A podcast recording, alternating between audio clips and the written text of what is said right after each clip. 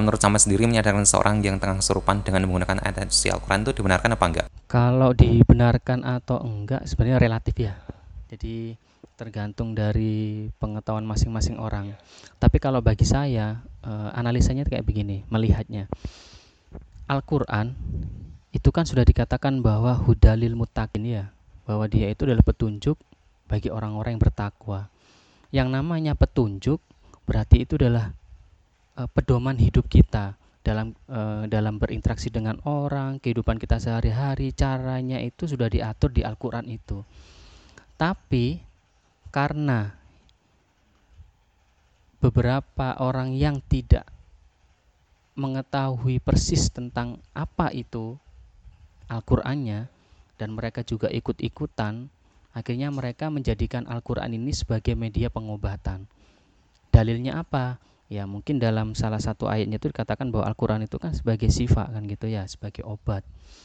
Bagi saya obat yang dimaksud dengan Al-Quran di situ bukan obat uh, misalkan ada orang sakit kemudian dibaca-baca Al-Fatihah dibaca-baca ayat itu di air kemudian airnya suruh minum biar itu jadi obat sebenarnya bukan kayak begitu. Itu kalau bagi saya ya. Tidak tahu lagi kalau misalkan bagi seorang ahli tafsir Al-Quran. Yang namanya tafsir Al-Quran setiap orang bebas kan menafsirkannya tergantung Eh, sesuai dengan kapasitas orang itu. Kalau bagi saya yang namanya sifat di Al-Qur'an itu adalah Al-Qur'an itu sebagai obat penenang jiwa. Makanya ketika kita sedang galau, kita khawatir atau kepikiran sesuatu, cobalah baca Al-Qur'an kan gitu. Coba baca pelan-pelan, gak usah buru-buru. Nanti hati itu mulai jadi tenang kayak begitu. Harusnya buka, bukan obat yang kayak begitu. Iya, kesurupan. Orang itu kan sekarang keliru kan ya Iya, dulu itu pernah. Waktu kalau nggak salah waktu uh, eh, KKN. Jadi waktu itu ada teman uh, di satu rumah itu, pas waktu dia ke kamar mandi, tiba-tiba dia teriak, lari, langsung pingsan, ambruk gitu. Kaget saya, loh, kenapa ini? Nah saya kan tipe orangnya nggak mau menunjukkan kan kayak gitu ya, nggak mau menunjukkan sesuatu bahwa saya tuh bisa sebenarnya ngobati teman saya itu. Saya diam aja, kan dari dulu saya kayak begitu.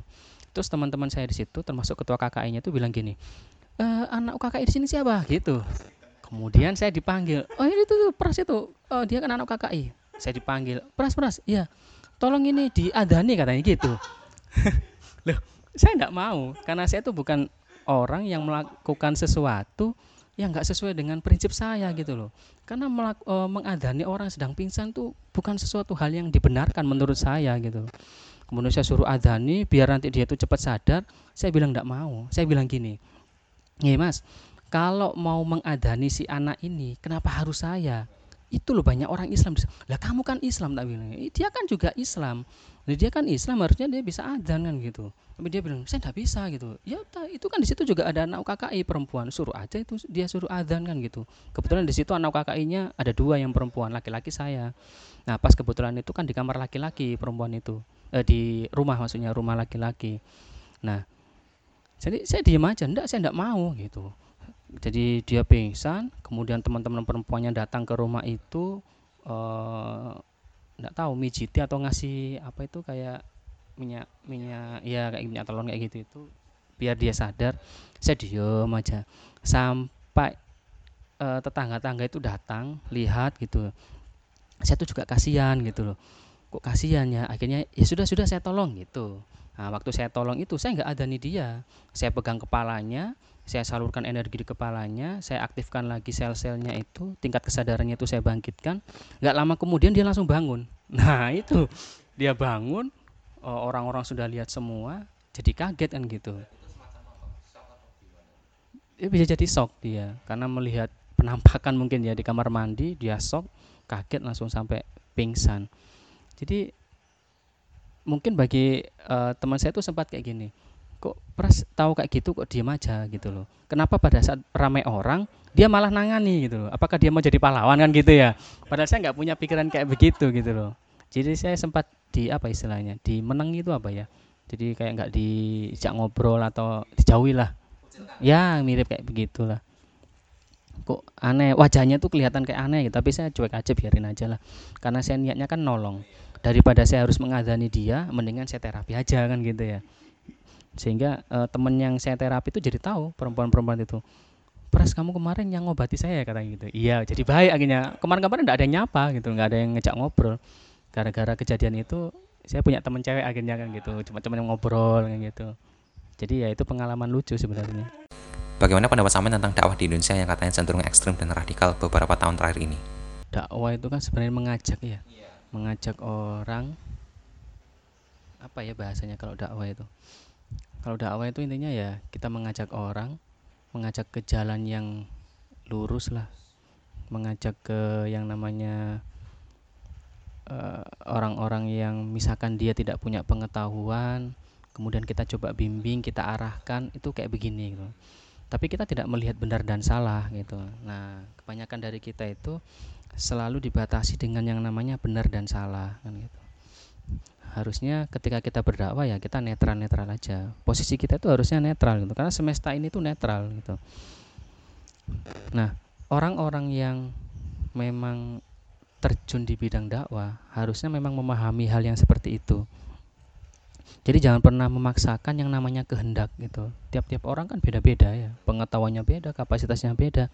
Cobalah pahami bahwa yang namanya berdakwah itu tidak harus dengan paksaan kan gitu ya.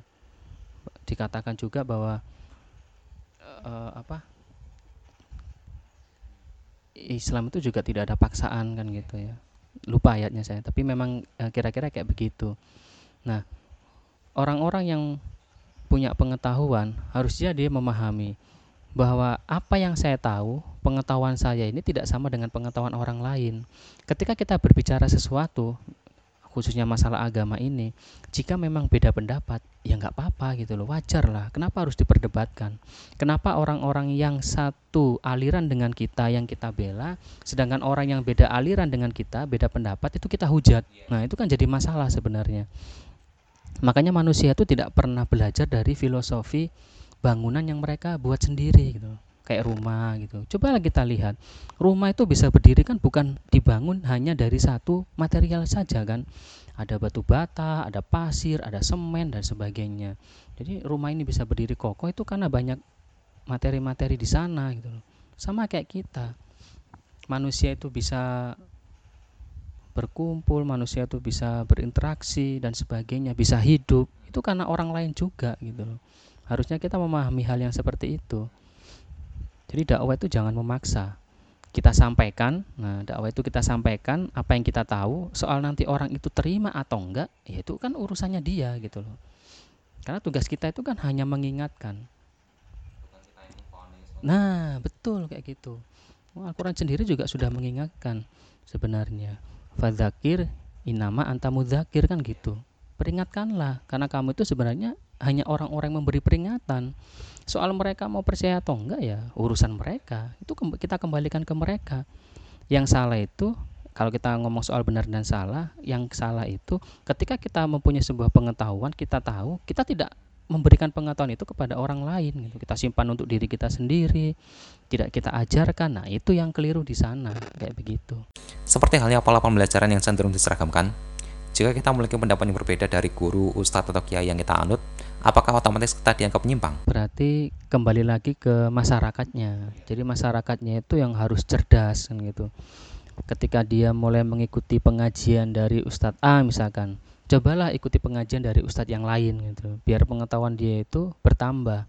Biar kosakata dia itu uh, mulai ada uh, tambahan kan gitu. Nggak hanya itu itu aja.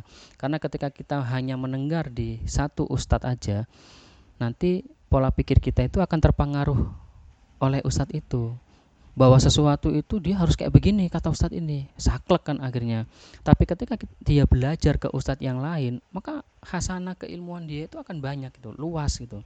Sehingga dia akan punya banyak pengetahuan gitu. dia belajar di ustadz ini belajar di ustadz itu belajar di ustadz yang lain tambah enak. Lama kelamaan nanti wawasan dia banyak gitu. Sama dengan orang-orang yang misalkan dia belajar buku A karangannya si A gitu. Dia juga harus belajar atau membaca buku karangannya orang lain gitu.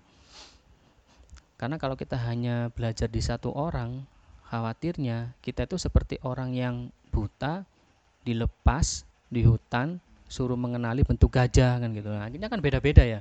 Empat orang buta dilepas suruh mengenali bentuk gajah itu seperti apa. Dia hanya pegang yang satu pegang kaki satu pegang badannya satu pegang e, belalainya ya beda-beda nanti penafsirannya. Nah harusnya dia belajarnya satu kesatuan gitu.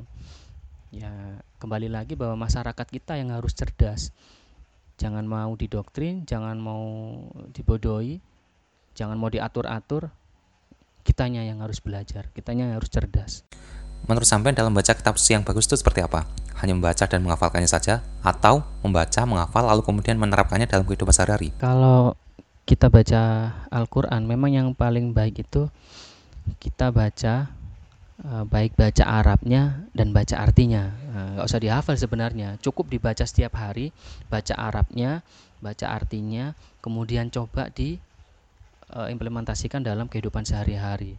Jadi yang namanya nilai-nilai Al-Qur'an itu harus dibawa kalau misalkan Al-Quran mengajarkan kayak begini ya coba diterapkan dalam kehidupan sehari-hari itu yang paling penting tapi bagaimana jika ada orang yang dia harus menghafalkan dia harus hafal sampai berapa juz harus khatam lah? Ya nggak apa-apa boleh-boleh aja kan? Sah-sah aja. Cuman masalahnya setelah dia sudah hafal 30 juz apa gitu loh? Selanjutnya tuh apa? Ngapain dia itu? Kalau dia hanya sekedar hafal dan selesai ya bagi saya eman gitu loh tapi ketika dia sudah hafal 30 juz kemudian itu diaplikasikan dalam kehidupan sehari-hari itu baru top nah, gitu. Nah, kayak begitu.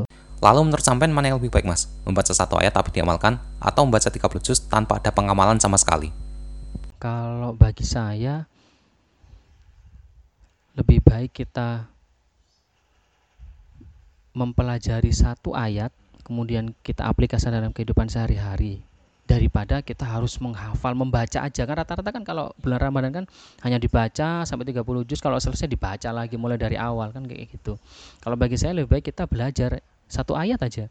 Coba satu ayat itu dikupas kan gitu ya.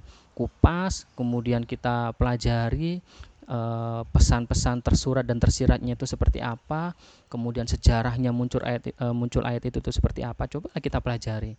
Nanti kalau itu sudah tahu sudah jelas nah gantian. Coba kita aplikasikan dalam kehidupan sehari-hari. Bisa enggak kayak gitu. Makanya kayak dulu yang saya memberikan pelatihan e, aplikasi Al-Quran nah itu kan hanya satu ayat. Satu ayat kemudian dibedah dalam kehidupan sehari-hari itu harus seperti apa? Nah itu. Harusnya memang kayak begitu gitu. Dalam menyikapi sebaran virus corona yang makin meluas ini kira-kira langkah apa yang harus diambil oleh pemerintah agar virus tersebut tidak makin meluas? Karena saya bukan pemerintah saya tidak tahu ya. Cara mencegahnya itu seperti apa. Ya tapi intinya ya apa yang dilakukan pemerintah sekarang ya ya sudahlah kita ikuti. Bagaimana dengan kitanya? Ketika pemerintah itu ketika para dokter kemudian perawat pemerintah dan sebagainya itu bekerja untuk melawan virus ini mereka memberikan aturan kepada kita ya sudah kita ikuti Nah, kitanya bagaimana? Ya kitanya minimal tidak ikut menyebarkan berita-berita yang tidak jelas gitu. Sekarang kan banyak kan BC-BC broadcast berita-berita masalah COVID-19 19 itu yang nggak jelas gitu loh. Janganlah memperburuk keadaan kita itu, memperburuk keadaan bangsa kita ini dengan ikut menyebarkan hal-hal yang sebenarnya itu nggak jelas kan gitu. Kasihan eh, masyarakat kita itu malah jadi kepikiran mereka kepikiran, mereka khawatir nanti gimana kalau misalkan saya terserang dan sebagainya. Semakin itu ditunjukkan data-data kematian yang kena berapa, itu malah kitanya malah khawatir gitu loh. Ketika itu khawatir, maka itu bisa memicu yang namanya imunitas kita. Atau bisa jadi nanti amigdala kita malah menjadi kacau, aktif, reaktif terus kayak begitu. Jadi kita punya jalan masing-masing. Pemerintah sudah mencoba dengan sebisa mungkin memberikan sebuah uh, aturan kepada kita mungkin kita suruh bekerja di rumah ya kan mungkin ada sebagian orang yang masih tetap bekerja untuk kitanya yang di rumah mulai dari sekarang stoplah untuk menyebarkan hal-hal yang tidak baik hal-hal yang tidak benar soal COVID-19 tadi itu. Menurut sampean, seberapa baikkah COVID-19 ini bagi kita? Yang sebelumnya juga sempat membuat kita panik dalam berbelanja, menimbun barang-barang seperti hand sanitizer, masker, dan sebagainya. Iya, kalau kita melihat kondisi sekarang, akhirnya kan kita melihatnya begini.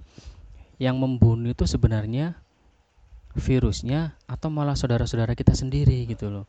Kenapa mereka harus menimbun makanan sampai sebanyak itu? Ya, mereka lo keluar kan juga bisa, ya kan? Mereka keluar juga bisa, misalkan mau keluar pakai masker atau nanti setelah masuk rumah lagi cuci tangan lagi ya dan sebagainya.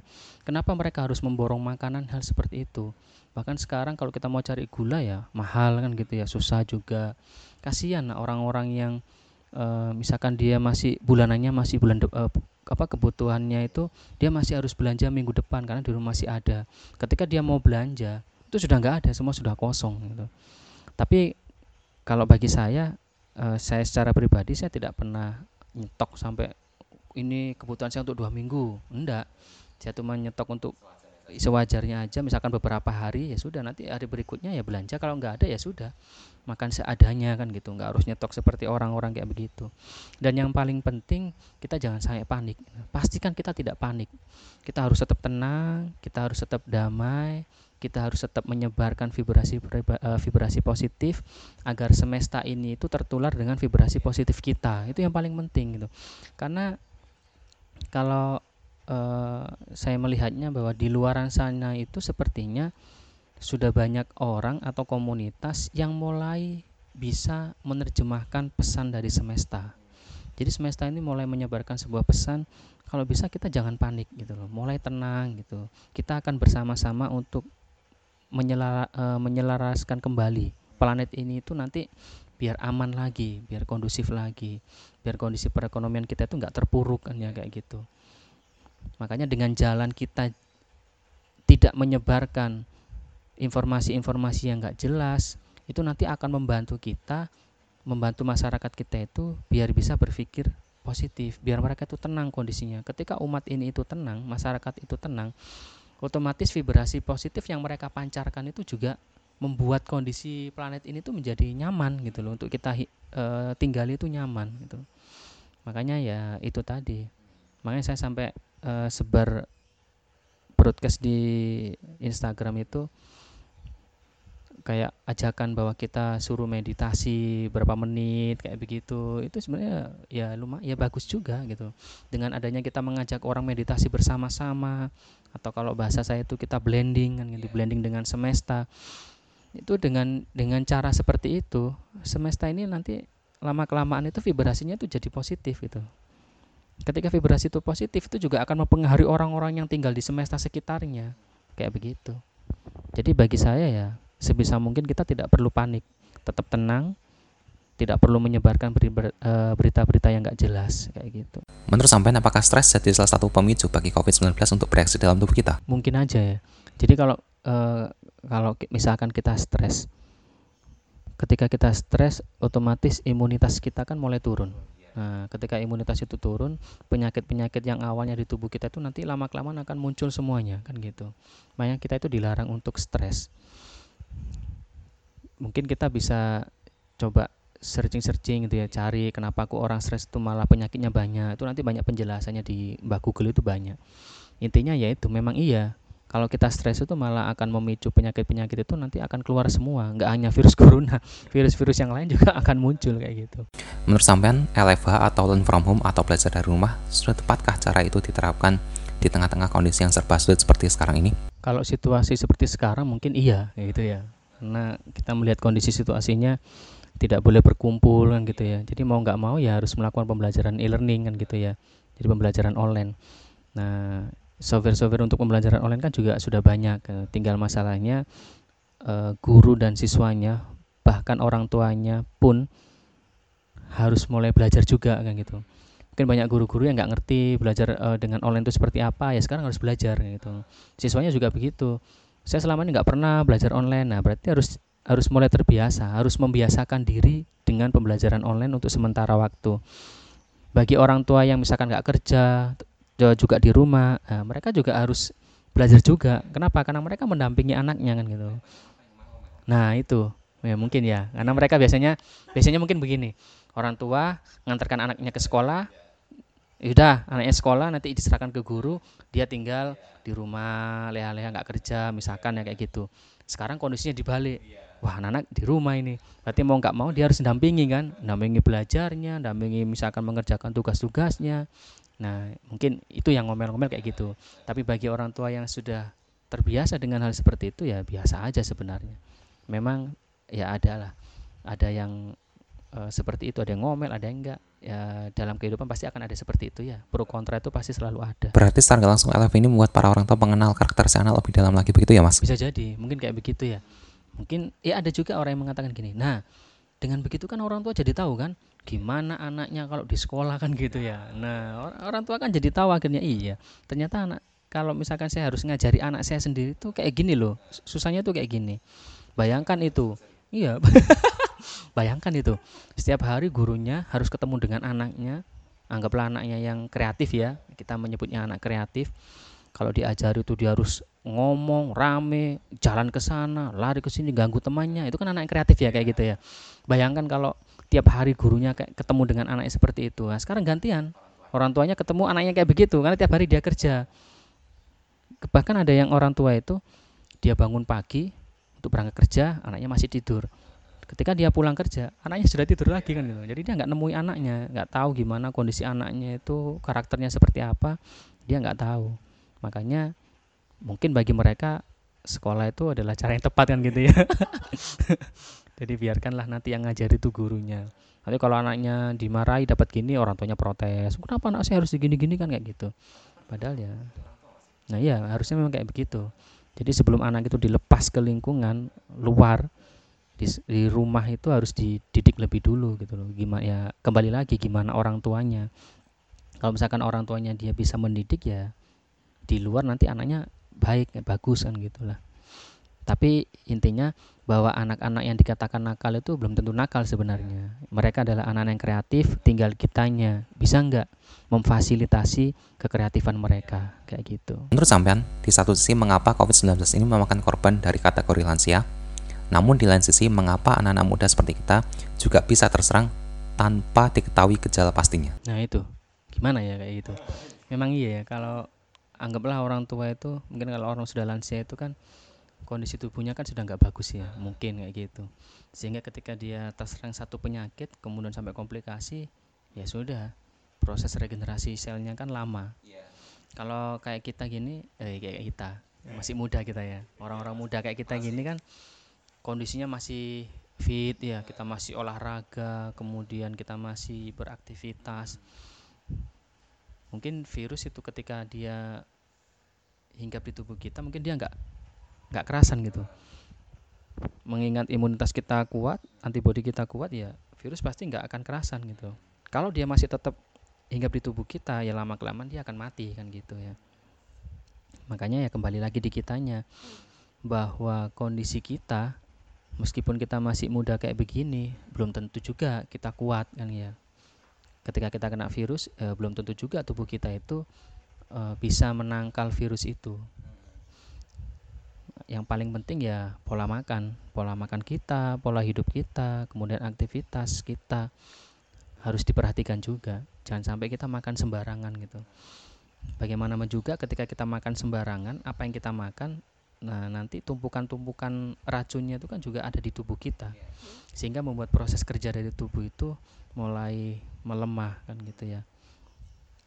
Termasuk orang-orang itu kan misalkan dia aktivitasnya kerja mulai pagi sampai sore kerja setelah pulang kerja ya sudahlah di rumah tiduran kemudian uh, kadang kerja lagi di rumah masih sampai malam lembur kayak gitu ya. Mereka sampai lupa untuk melakukan uh, aktivitas misalkan untuk pergangan atau olahraga gitu. Sebenarnya itu penting olahraga itu kita penting. Biar apa? Biar tubuh kita itu terlatih gitu loh. Yang namanya jasad itu harus di-upgrade. Kalau kita nyantai-nyantai nanti ketika kita umur 40 tahun itu virus mulai menyebar gitu. Dalam artian orang yang masa mudanya itu dipakai untuk foya-foya seneng-seneng cangkruan mulai dari pagi sampai pagi lagi hanya minum kopi ya wifi-an dan sebagainya itu nanti ketika dia umur 40 tahun nanti dia akan kerasa oh ternyata kayak begini. Ya itu. Karena mereka nggak memperhatikan kondisi tubuhnya. Karena yang namanya jasad itu kalau dia dibiarkan bisa rusak kan kayak gitu ya. Makanya butuh yang namanya maintenance. Bukan hanya mesin aja yang harus di maintenance jasad pun juga harus harus dilatih. Mau latihannya bagaimana? Ya bebas-bebas saja kalau misalkan kita maunya tiap hari kita mau ikut fitness mau jogging ya boleh silahkan mau lari. Yang paling bagus lari gitu ya sprint kayak gitu. Uh, bukan. Boleh boleh kayak gitu juga gak apa-apa. Ya jadi kayak begitu. Yang paling bagus itu sprint sebenarnya bukan lari yang pelan enggak tapi sprint. Ketika kita latihan kayak begitu fisik kita itu akan terlatih nanti. Atau kalau mau yang latihan push up ya kayak gitu. Atau latihan bela diri boleh lah kayak gitu. Ya intinya jasad itu juga harus dilatih kayak gitu. Seandainya nih mas kalau semua sama dilahirkan kembali kira-kira mau dilahirkan sebagai apa saya mau jadi superhero saya mau jadi seorang avatar, avatar. iya Ah, itu saya mau jadi avatar biar saya bisa memanage alam ini dengan baik lagi. Ada opini atau pesan-pesan singkat yang ingin disampaikan ke semua orang, Mas? Ya, kalau kita melihat kondisi sekarang, kembali lagi bahwa kitanya yang harus cerdas. Kita harus bisa memilah-milah yang namanya informasi, gitu ya. Tidak semua informasi yang masuk di kita itu harus ditelan mentah-mentah, gitu ya. Langsung ditelan mentah-mentah, langsung diyakini kebenarannya. Nah, karena yang namanya kebenaran itu kita harus mencari. Kebenaran itu harus kita cari. Meskipun kita dapat informasi dari orang yang bergelar doktor jangan langsung dipercaya. Cobalah cari sendiri kan gitu ya. Jangan langsung percaya yang namanya katanya gitu. Misalkan ada yang bilang eh katanya dokter ini gini-gini jangan langsung percaya. Cobalah kita cari sendiri coba kita telusuri sendiri kita cari data-datanya itu paling penting. Biar apa? Biar kita itu menjadi orang yang benar-benar bisa uh, bisa itu tadi memilah sebuah informasi. Mana informasi yang layak kita simpan di memori kita memo uh, informasi yang layak yang akan disampaikan ke orang biar kita itu tahu gitu karena kebanyakan dari kita itu enggak. Semua itu berasal dari katanya. Kita dapat informasi ini katanya ini langsung disebar. Kita dapat video tentang masalah ini langsung disebar. Tanpa dikaji lebih dulu. Harusnya itu kita harus kaji lebih dulu. Makanya bunyi ayatnya kan kayak begitu. Jika sebuah informasi datang di kita, cobalah cari dulu kebenarannya, kan kayak begitu. Biar kita itu menjadi orang-orang yang waspada. Karena kita tuh harus waspada. Informasi uh, tersebar di mana-mana. Internet sekarang sudah ada yang namanya teknologi internet. Tiap detik informasi yang baru itu selalu muncul kan gitu ya, selalu menghampiri kita. Nah, kayak gitu. Masalahnya itu kayak gitu. Masalahnya di masyarakat kita itu kayak gitu. Dari dulu kayak gitu. Semua informasi tidak disaring tapi langsung disebar. Ketika ditanya, katanya kan gitu. Nah, kayak gitu. Jangan katanya lah. Jadi kitanya yang harus cerdas, kitanya harus mulai mencari informasi sendiri, cari datanya sendiri, jangan bergantung ke orang lain. Kayak gitu. Terakhir dari saya, uh, ini adalah sebuah diskusi ya. Jadi ah, bukan diskusi apa ya tukar pendapat kayak gitu ya. Saya bukan siapa-siapa, saya hanyalah seorang guru, saya bukan praktisi juga, saya bukan ilmuwan, saya bukan ahli agama juga. Jadi ini hanya sebuah tukar pendapat. Apa yang saya tahu, yang saya sampai apa yang saya tahu ya itu yang saya sampaikan kayak gitu ya. Jadi uh, apa yang saya katakan ini bukan berarti untuk memicu perdebatan atau menimbulkan kontroversi dan sebagainya ya netral aja lah ya kayak gitu ya, ya namanya juga uh, apa ya istilahnya tukar pendapat kayak gitu jadi kira-kira seperti itu terima kasih